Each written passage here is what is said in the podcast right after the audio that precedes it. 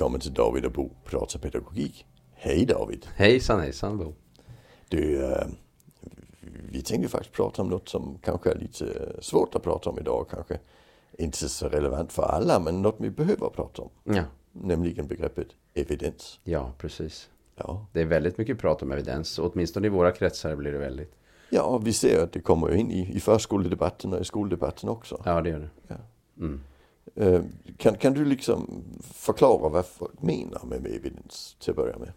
Ja, alltså eh, någon, någon sån där superdefinition har jag väl inte. Men eh, eh, jag tänker att i grund och botten så handlar det om att på något sätt veta om en, en metod till exempel. Om den fungerar, om den, om den är bra. Eh, och då har man bedrivit forskning för att se, är det här någonting som är bra? Och den här forskningen ska göras på särskilda sätt för att den ska kallas bra enligt forskarsamhället. Eh, och eh, om det då är gjort på ett bra sätt eh, och eh, också visar att det funkar, att den inte är skadlig, att den, att den hjälper en viss mängd människor eh, och att det här är någonting som, som fler bör göra så att säga. Då, och så kan, då kan man kalla det evidens. Alltså att det är någonting, att det visar någonting som, som har eh, eh, en, en slags kontroll, säkerhetsfunktion kan man väl säga i någon bemärkelse. Men den innehåller ju också massa olika typer av problem. Ehm, eh, förstås. Ja. Och det är lite det vi ska komma in på. Ja, precis. För, för vi är ju lite så att ja, det är bra med evidens, men man ska nog akta sig för att tro att det är hela världen. Ja, alltså det som händer nu för, för tiden som jag kan se allt oftare är ju att eh, det är fler och fler som, eh, som säger att ja, det här är inte evidensbaserat. Eh, alltså kan vi förkasta det. Men det är också lite intressant. Hur bygger man upp evidens och hur bygger man upp kunskap och hur jobbar man? Vi, vi pratar ju om att det ska vara enligt vetenskap och beprövad erfarenhet. Och beprövad erfarenhet eh, är ju då inte beforskat. Det kan det vara, men, men eh, eh, det är ju inte alltid så att vi kallar det som evident. Eh, Att det har hög evidens, utan vi säger att det är någonting som många anser funka. Ja, precis. Eh, och beprövad erfarenhet är ju något helt annat än det här tunga evidensbegreppet. Ja. Ju. Ja, alltså, jag, jag tycker det är jättespännande att jag var på en föreläsning. eh, Vi har ju en som fick Stora psykologpriset i år. Ja, Öst. Ja, Eh, och han är ju en sån evidensnisse kan man säga över alla andra evidensnissar i, i Sverige. Och, och var väldigt mycket drivande i, i det vi kallar terapikriget på 90-talet. Eh, där han ju sa att vi ska inte använda metoder som inte har evidens. nej, just det, precis. Fast på den tiden fanns det inte evidens för något. Nej, det, Alltså- det är ju det som har hänt på senare tid också. Ja, och då börjar han snacka om att ja, men vi, vi fick ju evidens för vissa saker så småningom. Och den här föreläsningen han hade när han fick uh, Stora psykologpriset, där sa han vad har vi då evidens för idag? Ja, Och där tyckte jag det var väldigt intressant att det var ju inte mycket han tyckte go- godkände evidens. Och nej, orsaken, det är orsaken till det är att, att vi har några nivåer. Och första nivån det är ju att någon har gjort studier, andra som inte har någon kontakt med den första gruppen Just har det. gjort liknande studier. Ja, Och alla studier visar att metoden funkar. just det.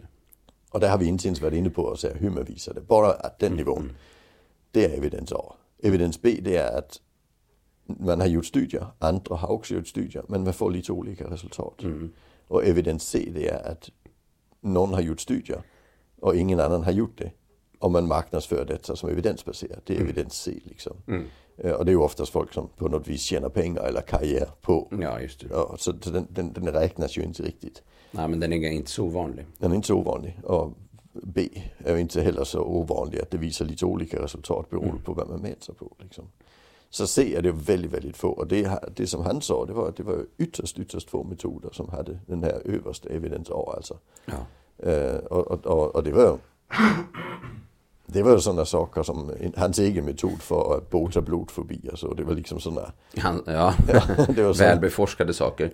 Ja, och här men- blir det lite intressant då, för jag tänker att... men i pedagogiska sammanhang har vi ju noll studier som har A-evidens. Ja, mm. Alltså, alltså noll, noll Nej, metoder. inom pedagogik, ja. Ja, absolut inte. Vi har, Nej. vi har inga metoder som har A-evidens överhuvudtaget. Nej, men vi har en enormt stor eh, mängd beprövad erfarenhet. Ja, Eh, Men det, men det är ju intressant att vi tar det här argumentet in när folk säger att den metoden är inte evidensbaserad. När vi inte har några metoder som är Vi evidensbaserade. använder metoder hela dagarna i varenda skola och förskola och på alla möjliga sociala sammanhang och överallt hela tiden som inte är evidensbaserade. Ja. Så är det. Men, men, och därför blir det ju ett icke-argument. Ja, det blir, Alltså, det blir ju problematiskt det- att säga att det här är det enda som räknas. För Ja. då skulle vi få lägga ner det mesta här vi kan ju ta ett, ett, ett, ett exempel var ju att vi hade några debattartiklar för något halvår sedan där någon sa att, att en metod vi använder i skolan har inte evidens i skolan, bara i andra sammanhang. Ja, Och därför ska vi inte använda den metoden ut- utan vi ska använda helt vanliga gammaldags amatörmetoder. Och då blir det riktigt, riktigt besvärligt tycker jag. För då säger man att vi har inte evidens för något, men vi ska inte använda den, men jag ska använda detta. Som jag gillar bättre. ja, Men det finns ju inte heller någon evidens. nej precis. Så det, det blir ju jätte, jättekonstigt. Nej, och det de här är- är lite, lite mångfacetterat och lite dubbelt. Och jag tänker också inom, inom medicinsk forskning, om man tänker sig en kirurg som provar en ny metod. Eh, som, som man tycker liksom, oj det här var ju mycket bättre att skära på det här sättet eller göra på det här sättet. Det är ju ingen evidens för det initialt. Det Nej. finns ju inte på kartan. Däremot så finns det en väldigt stark tradition av att pröva saker och ting inom vården. Och, se, och, och man har ju, eh, tycker jag, en väldigt hög, eh, vad ska man säga, en, en hög svansföring när det gäller det här med att ja, men vi ska pröva och man läser forskningsrapporter och, och det finns en väldigt stark vetenskapstradition. Som oftast Och- och- och- just i kirurgin faktiskt bottnar i case. Ja, väldigt mycket case. Ja. Alltså vilket innebär att vi gör en operation och vi beskriver den. Ja, Och- det är lite intressant med tanke på att det som vi annars kallar evidensbaserat eh, eller, eller evidens eh, och forskning som, som är då ska det ju vara randomiserade studier, man ska slumpvis urval eh, eh, olika grupper eh, och så. Ja. Och, och det, det kommer vi till nästa diskussion kring evidensbegreppet i, i, i skola, Ja. eh, vård och psykologiska arbete Ja. och pedagogiska arbete. Att, att de, de som, som liksom marknadsför begreppet evidens, de säger att det ska vara det vi kallar RCT, alltså Just det. random controlled Control trials. eh, trials. Och det betyder att man i princip ska slumpa personer i olika grupper och utföra olika insatser och se om det då är gruppskillnader. Just det. Och det menar jag är fullkomligt meningslös forskning när det gäller pedagogik. Alltså det är ju eh, väldigt sällan som man kan göra det på något bra sätt och dessutom är frågan om man skulle få etiskt godkännande för väldigt mycket av det som man i så fall skulle behöva ta reda på. Nej, alltså vi har ju några studier där man inte, man har inte, man har aldrig gjort random. Det, det, det finns inte i pedagogiken. Men du har gjort så ibland att vissa klasser får en viss undervisning, andra får en annan. Till exempel läsundervisning. Eh, men, men, men det problemet är att där mäter du inte den enskildas utveckling. Du mäter ju bara gruppnivån. Just det. Och, och det innebär att du kan säga, ja men som klass så läser klassen läsa lite bättre med ljudmetod än de gör med helordsmetod till exempel. Det är en gammal diskussion. Eh, Men när vi går in på, på case-nivå där, där är det ju 52% läser bättre med ljud och 48% med, med, med helord. Men vi får RCT-resultat som säger att det är bättre att använda ljudmetoden. Vilket innebär att 48% inte får den metod som är bäst för dem. Nej, för då kommer vi ju in på en intressant fråga överhuvudtaget när det gäller behandling och interventioner. Och det är ju hur kan vi i förväg veta vem som kommer att, eh, eh, så att säga, dra nytta utav den här insatsen. Den är ju väldigt intressant. Ja, och, och det är ju alltså, riktigt, riktigt bra forskning. Där ska man ju hitta en grupp som vi, och sen mäta bara på den. Och sen se att är det så att alla i den här gruppen utvecklar sig bra med den här metoden, då blir det ju jättebra. Och det är ju ytterst, ytterst få studier. Vi har inga studier som visar en metod som funkar på alla. Det finns inte. Nej, Alltså, nej, det är aldrig 100 procent. nej. Eh, Det allra bästa vi har det är ju alltså, en, Det finns enskild... fler studier som visar på 0 procents förbättring än det finns att alla förbättras. Ja men, ja, men det finns noll studier som visar att alla förbättrar sig. Men vi, vi har några, 94 procent till exempel vid, eh, vad heter det, enkla fobier. När Ja. folk själva har sökt hjälp Ja, och så det, vidare. precis. Eh, Så, men, Där, men, där finns det väldigt hög evidens. men kommer vi in på depression så ser vi viss förbättring hos 50 procent Mm. vid KBT till exempel. Det, det, är ju inte, det räcker ju ingenstans. För det innebär ju att 50 De procent... andra 50 procenten. Har Det är ingen- det man behöver fundera över. Ja, och, och där får vi lite... Det, det som det händer det är att vi, om vi får en liten utveckling hos 50 procent i den gruppen så får vi ju på en genomsnittlig ut, lite bättre utveckling. Men räcker inte det riktigt till att vi tycker det räcker, då kan vi ta fler patienter. Och sen får vi ändra bättre resultat. Det låter jättekonstigt men så funkar statistik. Ja, med statistik så blir det ju bättre värden Ja. om man har många. Ja precis, och då kan vi ha en mindre utveckling. Så, och, och, men, men det blir ju mer generaliserbart för det är fler. Men när det Ja. kommer, men, men där har vi ju problem. Jag brukar jämföra faktiskt med, med en helt vanlig sån bilverkstad. Jag gillar bilverkstäder. Ja. Alltså, ja, men om, om, om, om Volvo V70 är den vanligaste bilen i Sverige så måste metoden för byte av vattenpump på bilar, den måste vara bäst beskriven i Volvo V70 verkstadsmanualen. Det måste vara den som har högst evidens. För tar vi tusen bilar och reparerar dem med alla möjliga olika metoder så kommer flest bilar att bli bra med hjälp av Volvos metod för det finns flest Volvo. Men det går inte så bra för vissa andra bilar då. Nej, det kan vara problem om det är en Fiat. Alltså för den har kanske en helt annan system. Ja. Eh, Och där utgår ju den här forskningen från, alltså framförallt skolforskningen, att alla barn är likadana. Och det vet vi ju att så är det ju inte. Så är det verkligen. Nej, alltså det är väldigt stora individuella skillnader mellan barn. Och det är ju därför vi inte får några studier som verkar funka på alla. Och då blir det ett problem om vi med evidensbaserat pratar om det som vi har pratat om de sista 20 åren väldigt mycket. Hitta den bästa metoden. Ja, de bäst. Precis. Det kommer inte att funka. Nej, vi kommer att behöva ha en, eh, en palett av en mängd olika typer Ja. av insatser. Och det, ju, det kan vi ju se på, på olika områden. Vi kan se det inom, inom förskola skola. Vi kan också fundera inom det sociala området. Så ser Ja. vi, det finns ju massa olika typer av metoder. Och, och vissa har ju så att säga bättre forskning bakom sig. Eh, och man säger att det här funkar. Och vissa är ju eh, säkert direkt eh, olämpliga som har Ja. använts genom år. Och, och liksom. Så kan det vara. Så då måste vi hitta ett annat begrepp. Ja. Och där har vi ju, som tur är, någon som har gjort det redan. Evidensbaserad praktik. Ja, just det. Eh, Sen vet jag inte. eh, Jag såg att det var ganska mycket inom det sociala området. Men jag undrar Det om det är lika mycket. kommer ifrån. Ja, Ja. Mm. Om det är lika mycket på andra, andra områden än just det sociala området. Alltså det amerikanska psykologiska sällskapet har bestämt att det är så man ska jobba. Eh, Svenska psykologförbundet vidtog för tre år sedan när vi hade sista kongressen att det är så vi ska jobba. Vi Just jobbar med evidensbaserad praktik. Eh, Och det som det betyder, ska vi kanske säga, det är Mm. att, att det står på tre ben. Mm. Det första det är att metoden ska funka. Just det. Det ska vi helst veta. Det och det är ju där vi har evidensbegreppet inne. Mm. Det nästa det är att den som utför metoden ska vara väl förtrogen med metoden. Det ska inte vara någon som, nu är det den bästa metoden, du ska göra så här. Men sen, och det tycker jag är mest spännande. Det ska också vara så att den som utsätts för metoden ska ha valt den. Att det är ett frivilligt val. Och det har jag ju kopplat också till hela Ja men det här med, med delaktighet och att man ska få vara med i beslut och, och så vidare. Och där ska man förstå att det handlar väldigt mycket om behandling. Så, så patienten ska Mm. valt den typen av behandling. Det blir väldigt mycket mer besvärligt när vi tar in det i skolan. För eleverna väljer inte undervisningsmetod. Eh, Nej, och det, nej precis. Det- Även om man har sagt att man ska få vara medskapare mer och mer. Så är, det finns ju en kritik kring det också. Därför att man tänker att det blir problematiskt. Men frågan är vad man ska vara medskapare till. Ja, Inom vilka områden ska man få, få vara delaktig? Eh, Ja, Och, men, men jag tycker det, det, det bör ju ändå gå. Att för det första ska det vara så att vi ska... Jag, jag brukar säga att när vi då ska sortera den här verktygslådan. Jag kallar den verktygslåda Mm, ja, för, för det är det, bra. handlar, det handlar ju om att vi ska ha många olika interventioner. Vi Ja. som, och och, och, och där, där har vi ju tidigare när vi pratar evidensbegreppet sagt att vi ska hitta det bästa verktyget. Mm. Och det blir jätteroligt när man tänker på en verktygslåda.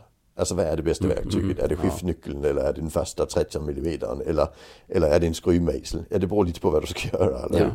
Men, men, men så tänker vi inte längre. Vi ska ha massor med verktyg. Men sen ska vi ju sortera dem bort som vi inte ska ha. ja. Det är ju inte det som evidensbaserad praktik säger. Istället Att för att plocka hitta, bort de som är direkt skadliga eller, eller Ja, ja men inte... framförallt istället för att hitta den bästa så ska vi hitta de vi kan använda. Mm. Och, och då kan vi ju plocka bort lite, på lite olika vis. Ja, man kan tänka sig någon slags hierarki där. Att det Ja, finns precis. en ordning för det, eller hur? ja, och, där är det vissa av våra kollegor som säger att vi, vi ska först plocka bort de som inte funkar. Mm. Som vi inte vet funkar. Och det vet jag inte om jag tycker är det kanske viktigaste. Utan jag vill först plocka bort de olagliga. Och de olagliga är ju ganska bra Det, faktiskt. det tycker jag. Det, det De måste väl ändå vara de vi plockar bort först. Ja, och vad alltså, finns det många olagliga behandlingsmetoder som används då? Ja, eller Mm. det finns olagliga tillämpningar av dem. Ja, Alltså det är klart. Eh, Vi hade, jag, jag jobbade med ett företag som köpte upp en verksamhet och de började titta på verksamheten. Det är en, det är en social verksamhet. Mm. Och 80 procent av det de gjorde var olagligt och oj. 20% var olämpligt. Så. så hela verksamheten behövde jobba på ett nytt sätt? Ja, de fick göra om hela. Eh, alltså det, det är ju fasthållning och, och allt sånt här. Bältningar där de inte var för bältar. Eh, jo, Socialstyrelsen har ju ändå beskrivit det eh, att eh, vi ska ju faktiskt inte använda oss utav konsekvenspedagogik. Ja. Eh, samtidigt så används ju konsekvenspedagogik ja, dels inom många sociala områden men, eh, men inom skolans område och förskolans område. Det finns mycket konsekvenspedagogik. Ja. Det, det, är lite spännande för vi hade en, eh, den, den, när Socialstyrelsen reagerade, det var ju när de var ute och se att folk hade alltså, metoder som handlar om att om du inte fick poäng nog så fick du inte ringa hem till mamma. Nej, just det, precis sådana typer av grejer. På HVB-hem liksom. Mm. Och det, det, var ju, det, det, var ju helt klart en olaglig metod. Mm. Eh, jag tycker att det är lite spännande när vi tittar på lagstödet för olika metoder att man kan välja att säga så här, det är ingen olaglig metod, där står inte vi inte får använda den. Mm. Men om målet med metoden inte är ett mål som finns i lagen, mm. då får vi problem. Och skollagen nämner inte lydnad. Nej. Så har metoden som syfte att skapa lydnad så kan man ju diskutera om den är laglig. Ja, det är där vi får problem med vissa typer av metoder som ja. ibland stoppas in i skolans värld. Ja. Att, de, att de bygger på lydnad fastän eh, man beskriver det inte så. Nej. Men det, i praktiken så är det så. Och det är ju där vi i det mjuka. I det hårda där är vi ute i att så fort metoden eh, handlar om en bestraffning mm. så får vi inte använda den mm. i skolan. Och det innebär att vi kan inte ha metoder som, som, som där om, vi, om hela klassen uppför sig på ett visst vis så kan man uppnå vissa förmåner. Mm. Om man inte gör det då uppnår man inte de förmånerna. Nej, för det kan tolkas som en bestraffning. Mm. Så det är ju metoder som till exempel good behavior game och sådana. De passar inte riktigt in i en svensk skola för de passar inte med lagstiftningen. Nej, det är ju ett problem där. Mm. Eh, och eh, då kan man ju se på det här med, med evidensbegreppet så kan man säga att ja, i en viss typ av kontext så kan vi säga att det här funkar. Ja, det funkar eh, för att uppnå lydnad. I, att uppnå lydnad. Men när man då Mm. Om man då plockar in den aspekten, nämligen att skolan ska inte jobba med lydnad. Ja. Skolan ska jobba med att eh, få människor, alltså barnen att bli självständiga, mm. att ta ansvar för sitt lärande, att vara nyfikna, inte lydnad. Eh, och det är ju väldigt tydligt i, i, i skollagen. Liksom, mm. Då faller hela, ja. eh, hela konceptet. Och då blir metoden olaglig, så den kan vi plocka bort. Ja, och samtidigt så är det ju många som inför det då samtidigt. Det här har vi nämnt förut en ja, gång. Ja. Men, men, men, det är ju spännande om... när vi också pratar just i det här termer om evidens. Ja. För då kommer vi också in på det här att eh, någonting kan, kan funka i ett system. Det kan vara till och med bra i ett system. Eller det kan liksom ge effekt i ett system. Men i ett annat system så, så, så så är det olämpligt eller, eller eh, har faktiskt eller inte en effekt. Och för vissa mm. så har det inte effekt. Liksom. Eller så är det till och med olagligt. Ja, ja. precis. Okej, okay. vi börjar med att plocka bort de som är olagliga. Ja, och där får vi ju göra en bedömning av lagligheten i förhållande till en bred bedömning. Nästa mm. det är det olämpliga. Det tycker ja. jag också vi ska plocka bort. Ja. Och då, är, och då finns det en massa grundläggande premisser som vi har som eh, underliggande där då. Ja. Att... Där har vi en väldigt märklig diskussion för tillfället i politiken. Vi har ja. vissa politiker som går ut och säger att man vill lägga ner barn och elevombudet. Ja, just det, och, och det vill de ju för att barn och elevombudet ser ju till att det blir skadestånd till barn som utsatts för olämplig behandling. Mm. Och sen argumentet är lärarna har gjort något som är lagligt, då ska han inte ha skadestånd. Nej. Men det kan ju vara olämpligt fast ja, det är lagligt. Det. Ja. Alltså det, det, man kan ju utsättas för en kränkning i alla fall. Mm. Alltså och, och, om jag blir kränkt av i min matbutik. Mm. Någon som säger din jävla idiot kommer hit och handlar hela ja. tiden och så. Då kan jag välja att gå någon annanstans. Ja, men det kan inte jag i skolan. Nej precis, så det är en stor skillnad där. Ja, så, så elever, elevombudet jobbar egentligen att se till att det olämpliga liksom, ska, ska minska. Ja, och, och det gör man genom att... Att, att, att, att tydliggöra vad som är okej okay och, ja, och, och, då blir det med skadestånd. Stå för barnets intressen ja. och så vidare. Ja, precis. Just det. Uh, och, och olämpliga, det är ju dåligt bemötande och allt det här. Det, det måste vi ju plocka bort. Det, ja, och det kan vi titta på, jag menar, eh, med bemötande. Du har jobbat mycket med bemötande inom mm. lopp, men tittar vi på eh, eh, alltså allt det här när man anmäler eh, ja, men, eh, skolor, eh, läkare, vården, eh, alla de här enheterna som samlar in eh, erfarenheter från folk eller anmälningar från folk. Eh, det är otroligt mycket bemötandefrågor. Ja. Det är liksom bemötande och det är ju därför att man och det man tittar på där det är, det är ju är det här olämpligt bemötande? Det är ju väldigt mycket bemötandefrågor. Ja, och det är väldigt sällan det är, är jätteviktiga. Jag sitter ju i Psykologförbundets etikråd och ja, vi får ju vi får ju klagomål också. Och det är ju väldigt sällan vi får klagomål på något som är olagligt. Nej. Alltså vi får ju det. Ja, Alltså, men det är mycket men- som är olämpligt. Men primärt handlar det om det olämpliga. Etiken Ja, handlar om det olämpliga. Ja. Och där är det ju lite intressant att, att jag förstår inte att lärarförbundet inte har gjort ett eget etikråd som andra förbund har. Ja, precis. Alltså de, de, de tar inte klagomål på det viset utan där har vi varit tvungna att göra barn och elevombudet. Och därför blir det ju riktigt, riktigt problematiskt om, vi, har, om, om vi har krafter i samhället som vill, som vill Mm. Och sen. Skolinspektionen som ju faktiskt också tittar på, på kränkningar, alltså, eller Ja. jag menar på, på situationer som... Ja, elevombudet är en del av Ja, Skolinspektionen. det. Så Mm. man kan säga att Skolinspektionen har ju både fått titta på det lagliga Mm. men också på det lämpliga. Liksom. Ja, just det. Men det vi sen har tillbaka när vi har plockat bort först det olagliga och sen det olämpliga. Mm. Då kan vi ju ha kvar metoder som funkar och metoder som inte funkar. Och då tycker jag vi ska plocka bort dem vi vet inte funkar. Ja, och sådana som direkt är skadliga. Och det är ju en del utav det som man säger är väsentligt Mm, när men vi det- tittar på till exempel det här med Ja, men- evidensforskning. Ja. Att en del menar att vi ska ta bort sånt som är skadligt. Men det ligger ju på olämpligt. Ja, ja, ja just det. Eh, Ja, det, det, tycker precis. jag. Det, där har vi ju redan plockat bort dem. När vi kommer ner på... Men då på kommer vi också till den här viktiga frågan om hur gör vi då eh, för att veta om någonting är skadligt eller inte. Och där behövs det ju forskning för att ändå kunna Ja, det- eh, se. Ja, och vi har ju sådana listor. eh, Amerikanska psykologiska sällskapet och amerikanska psykiatriska sällskapet har Mm. gjort sådana listor. Där vi vet att till exempel det vi kallar eh, attachment therapy är en skadlig metod. Mm. Alltså barn blir traumatiserade och så vidare. Liksom det, det, Det finns ju sådana studier. Ja, Eh, Vi har faktiskt en studie nu som, som är väldigt omtalad inom Mm. vår bransch som har visat att, att barn med autism som utsätts för det vi kallar EIBI eller IBT att det är en mycket högre grad av barn med, med symptom på PTSD bland de barnen än bland andra barn. och PTSD är då posttraumatisk stress. Stresssyndrom, ja precis. Så, så det finns ju en, en risk att den, met- den metoden kommer att hamna i de här. Och, och det har vi på konsekvenspedagogik också. Så det, de, den ingår ju också på de här listorna. Det gör inte IBT och Nej. EIB än, men det kom, kanske det kommer att göra. Eh, Så vi har ju metoder där vi, men det ligger på det olämpliga tycker jag. Mm. Vi, men vi kan ju ändå ha metoder som, de verkar inte funka. Nej. Alltså, och, och när vi har sådana metoder där vi, det har gjort studier, ingen har visat att det funkar. Ja, då kanske vi ska fundera på om vi ska ha det i verktygslådan. Men jag tycker det, det, det är inte hela världen att vi har en metod som inte funkar i verktygslådan. Mm. Det är mycket värre att vi har en som är skadlig. Ja, det är ju Olaglig definitivt värre. Ja. Ja. det är klart. Och det allra bästa är att ha saker som funkar. Ja men det är det allra bästa. Och, och det men, är men, dit vi vill. men, men där, där, där måste vi förhålla oss till att, att det finns väldigt många bilmärken i världen. ja, Alltså, och, och, och det kan ju vara så att vi har ett verktyg i verktygslådan som ska användas på en DKV från 1934. Mm. De är extremt ovanliga numera. Man har säkert något annorlunda i sitt system Ja. än Volvo V70. Ja precis, och, och, och då kanske vi måste ha det verktyg. Jag, jag brukar ta exempel hemma i min verktygslåda har jag något som heter en kamaxellyftare till en Lampredi-motor. Mhm. Det är ett väldigt Jag ovanligt har inte verktyg. någon sån, Nej, kan jag meddela. men, men, men jag har ju en, en, en gammal bil med en Lampredi-motor. Ja, Och, och, så jag har köpt det här verktyget och jag har aldrig någonsin använt det. För det Ja. används bara när man ska justera ventiler. Och det som är bra med Lampredi-motorn det är att man väldigt sällan behöver det.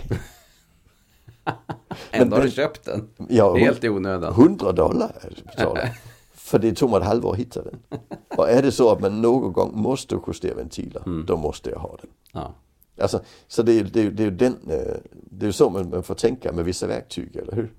Så jag tycker vi, vi behöver inom en organisation, som en skola, förskola eller en, en, en organisation vi jobbar i, social verksamhet, så måste vi ha en enorm verktygslåda med alla möjliga metoder. Mm.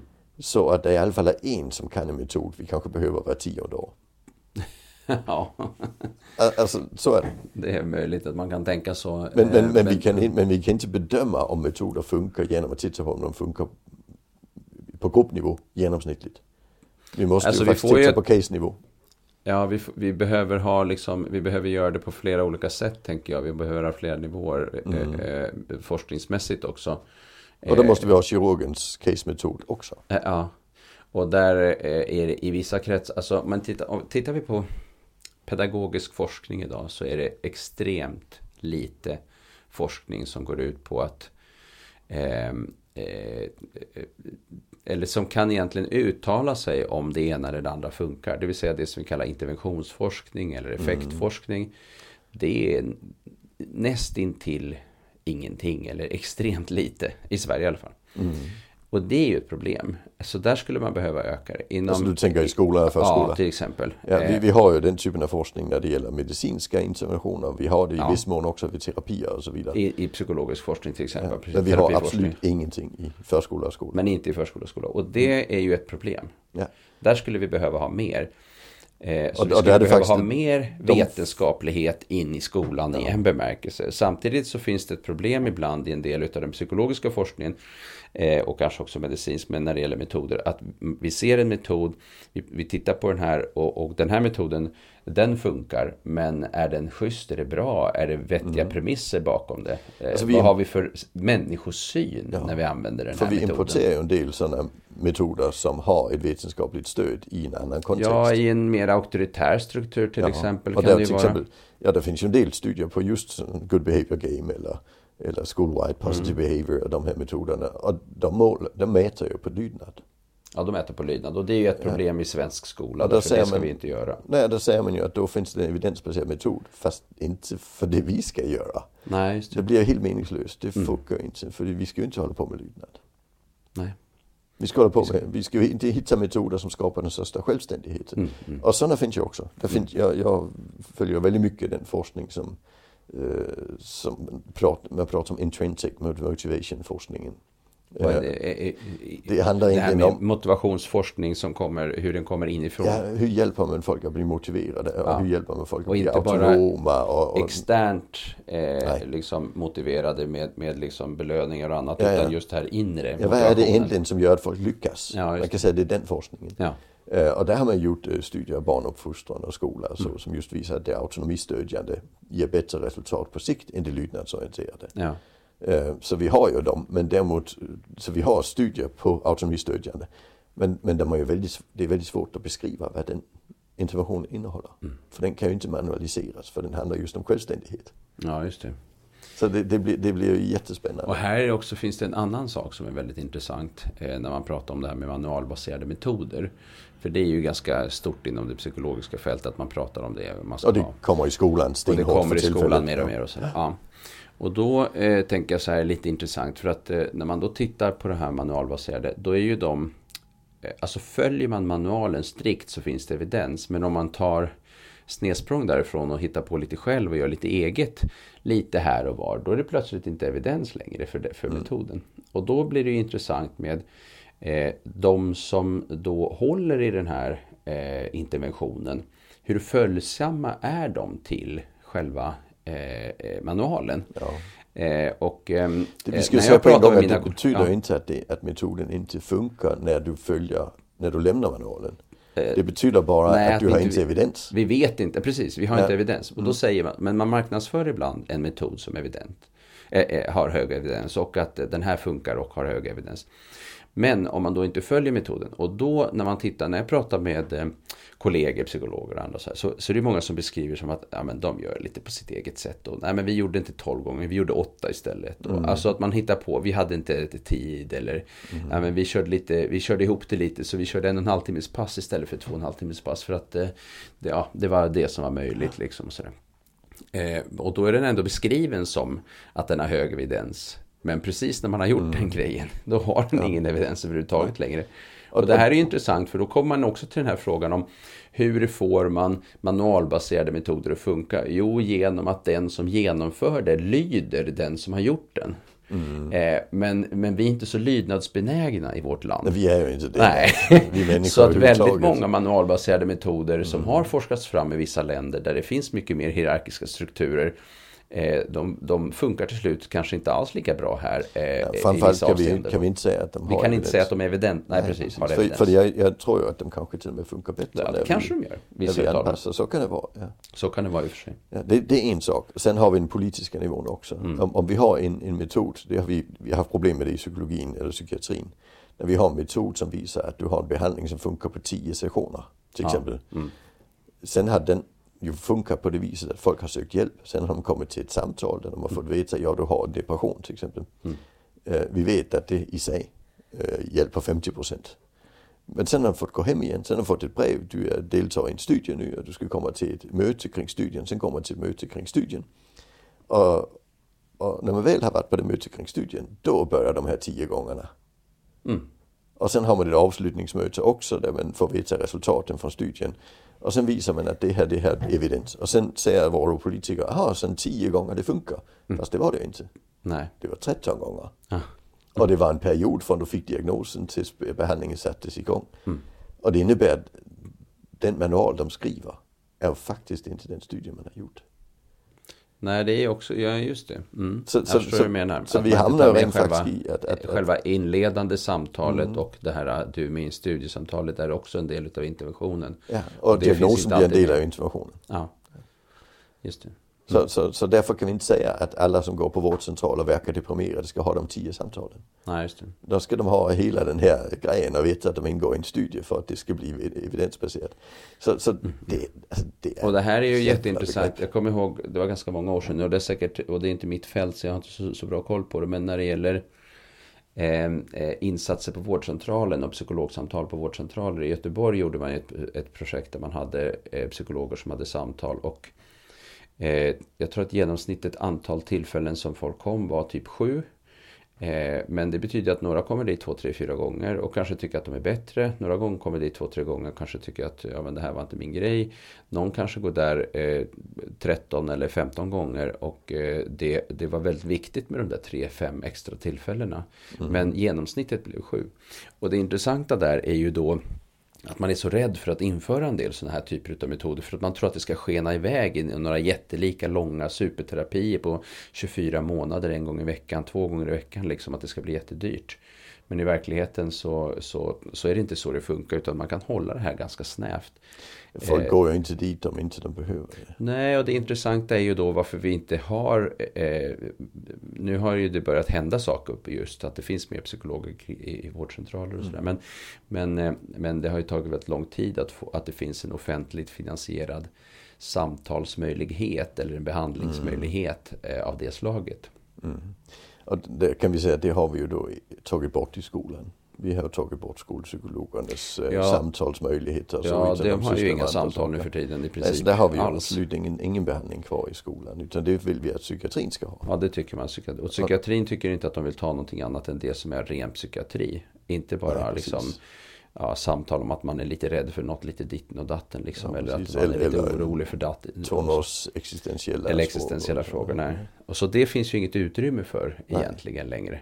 Det man kan gå till en- skolsyster. Ja, Så. som inte har Så, den, den inte alltså har ens inte intressant. träning i, i, den. Nej, många är extremt duktiga på att prata för att de pratar med barn hela dagarna och Ja. har en enorm empati och, och, och det finns liksom fantastiska personer. Men, men det är konstigt att det inte finns någon, någon liksom funktion för det egentligen. Och eh, det Mm. Men- kanske den- inte är så den- konstigt då att det är många som ringer till de här eh, eh, telefonslussarna och- BRIS och alla möjliga ställen. Nej. Eh. För att det inte finns så många ställen att prata med vuxna på helt enkelt. Sådär. Mm. Och där kan vi ju säga att orsaken till att vi har plockat bort det, det var ju just att det, det var ingen evidens. Med samtalen nej. Ja. nej. Så, så vi har plockat bort den grejen som var den med, med, alltså mellanmänskliga kontakten. Mm. För att vi har använt, så jag, det, det, jag tycker evidensbegreppet är lite farligt på det Där viset. kan det bli problem va? Mm. Att vi, Vi måste vara ja, noggranna när vi tänker kring det. Ja, jag, jag tänker så. Ja. Mm. Jag tror att det är jätteviktigt. Ja, ja nej men det, det är spännande det här med, med evidens och vad det får för betydelse, tänker jag, eh, när man pratar om vad det är vi ska göra för någonting. Mm. Och evidensbaserad praktik är ju ett spännande begrepp. Eh, det är också när vi tänker på det här med, med forskning så finns det ju väldigt eh, stora skillnader i forskningstradition. Det som man kallar det här eh, positivistiska, kvantitativa Mm. siffror, mäta. Och sen har vi det här lite mera beskrivande forskning. Ja, och Och det jag- casebaserade som och casebaserade. Ja. Och så säger man att det ena kan säga mer om verkligheten än det andra. Men, men det är inte helt lätt. Eh, och många gånger behöver vi ju snarare se forskning som växlar mellan olika typer av sätt att ta reda på saker och ting. Eh, mixed, eh, Mixed methods kallar man det. Ja. Methods.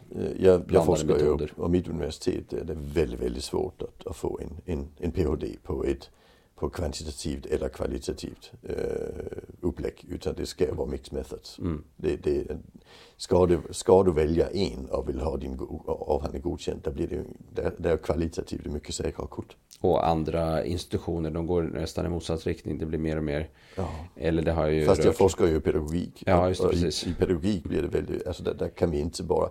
Det som mina professorer säger det är att om du, om du säger att du gör en kvantitativ pedagogisk avhandling, då har du gjort massor med kvalitativa beslut. Mm. Och har du inte redovisat dem, hur du har gjort dem, utan du har bara gjort det för att du tycker, Mm. då faller hela forskningen. Mm. Utan du måste ju faktiskt kunna redovisa vetenskaplig metod i valet av vad du tittar på. Mm. Mm. Och sen därnäst titta på vetenskaplig metod när du vill kolla på det. Och därför tar vi en kvalitativ och en kvantitativ ansats. Det är här det kanske är så svårt då eh, när den, de, de institutioner som jobbar väldigt, väldigt eh, eh, kvantitativt ska möta någon som jobbar på ett annat sätt, mera kval, kvalitativt och har andra eh, en, annat, en annan forskningstradition helt enkelt. Att det är svårt att mötas. Jag tänker till exempel på pedagogiska forskningen och hjärnforskningen skulle behöva mötas.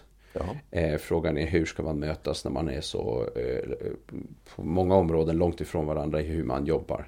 Fast det behöver man inte vara längre. Nej, jag tror att man skulle behöva mötas och, Ja, och där är ju och- och frågan... Hjärnforskningen idag är inte så kvantitativt orienterad och bara mätning som den Nej, vi, var har, förr. vi har ju både och kan man väl säga. Ja. Så det, det, är ju, det, är ju, det är ju när hjärnan möter samhället att det blir spännande. När barnet kommer in i skolan, vad händer i hjärnan? Det är det neurovetenskapen Ja. idag är väldigt, väldigt intresserad av Mm. i det pedagogiska fältet. Och där, där kanske inte vi är så det ena eller det andra. Också för det att väldigt mycket av den forskning vi, vi bara för tio år sedan i det pedagogiska fältet kring arbetsminnesträning och så Just det. höll på att mäta, det vet vi idag att det, det blev ju inte så bra. Det Nej, och det, jag har frågat folk om, eh, och pedagoger till exempel, även om det forskningsmässigt fanns liksom eh, ganska bra siffror när det gäller vissa saker så var det ju intressant när man frågade pedagoger vad de själva tyckte. När de hade jobbat med arbetsminnesträning och då var det vissa som sa för den här eleven hade det faktiskt ganska stor betydelse på alla möjliga sätt och för den här eleven hade det ingen betydelse alls. Men det, frågan är ju vad var det för någonting som hade betydelse? Var det verkligen bara träningen eller var det någonting annat? Började man förstå den här eleven på något nytt sätt och gjorde på ett annat sätt? Och till exempel gjorde anpassningar. Att det inte var träningen som i sig var det som var mest betydelsefullt. Utan Det det, var svårt hur folk gör runt omkring, hur man förhåller sig till den här eleven. Att man har förstått att den här eleven kanske har, har, har svårt med fokus och koncentration, arbetsminne och annat. Och så börjar man göra anpassningar och så var det det som egentligen hade mest effekt. Ja. Det är lite intressant. Det är jätteintressant. Och, och också när vi, när vi ser på den forskning som finns kring det, att det visar sig när man börjar följa upp på det. Ja. Då hade ju gått tillbaka. Alltså, ja, det var ju det. man måste Och- och fortsätta man måste träna hela fortsätta, tiden. Ja, precis. Men, Ungefär som när man tränar men lite så. på en högre nivå. Ja, precis som när man tränar fysiskt. Ja. Ja, just det. Och, och det är ju sånt jag tycker är lite spännande. För det, det är ju ett generellt problem i, i, eh, när vi pratar pedagogisk metod. Mm. Att, att vi, vi testar under för kort tid. För det är att ju Mm. längre tid vi testar, ju fler andra faktorer spelar in. Ja, just det. Precis. Och därför försöker vi göra det under väldigt kort tid. Ja. Och där har vi en sån klassisk metastudie, Daisy Kussner och Ryan 1999, på belöningssystem. Där Mm. de kunde visa att belöningssystemen ökade det beteende vi försökte minska när vi tittade över nio månader. Ja. Eh, när man tittar på den samlade forskningen. Men, men ju kortare studier vi gjorde, ju bättre effekter hade vi. För ja, det är intressant. Ja. vi, hade alltså en positiv primär effekt och sen en negativ Så långtidseffekt. man kan tänka sig att först går det upp, kurvan Ja. går upp och sen så går det ner ganska och sen går det friskt längre ner än det var från början. Ja. Och då går det djupare och blir sämre. Sämre än det var innan. Ja, och, och det är ganska vanligt att, att vi har de effekterna. Och sen kallar vi det evidensbaserat för vi väljer att avsluta studien. För det är att om vi letar för länge då blir det andra faktorer som Mm. spelar in. Just det. Och det är där det har varit problematiskt att, att ta en sån typ av eh, ja, som man kan säga är egentligen psykologiskt utvecklad för terapeutiska sammanhang och sen kör man in det i någon slags skolsammanhang eller sådär. Ja, Eh, då får vi problem. då får vi problem. Mm. Ja, precis. Så evidensbegreppet är inte enkelt. Nej, det är ver- verkligen inte enkelt. Det, finns väldigt mycket att tänka kring och, och eh, eh, jag, jag- jag hoppas att vi får till en, en väldigt bra debatt om, om eh, den här mångfacetterade bilden utav just Ja. eh, evidensbegreppet. Och vi måste ju säga på en gång att båda två håller vi ju på med evidensbaserad metod och vi gillar begreppet evidens. det är Ja, inte ja, så. nej, det är ju det att eh, det, det är ju, vi behöver evidensbaserad, alltså forskning som letar efter evidens, men vi måste också hela tiden ifrågasätta eh, hur blev det här och vad var det för premisser som låg bakom Ja. och försöka förstå det. Ja. Det är viktigt. För vi behöver ha mer forskning. Och särskilt in i förskola och skola behövs det Ja. mycket mer. I förskoleområdet tycker jag eh, särskilt har vi ju mindre än eh, på många andra ställen i ja. samhället. Och, När man eh, tänker på hur många barn som ingår och i det är alla barn, det är 95 procent av 3-5-åringarna. Och hur viktigt den utvecklingen är. Extremt viktig och hela eh, liksom, Vi har ju aldrig någonsin överhuvudtaget i en människas liv händer inte så mycket på, på den tid som det gör i förskolan. Nej. som, så det, det är den, Så vi kan verkligen hjälpa där själva. kan det hända väldigt, väldigt mycket. Mm. Det är bra. Ja, tack för idag. Spännande att prata om det här. Ja, absolut. Hej, hej. Hej.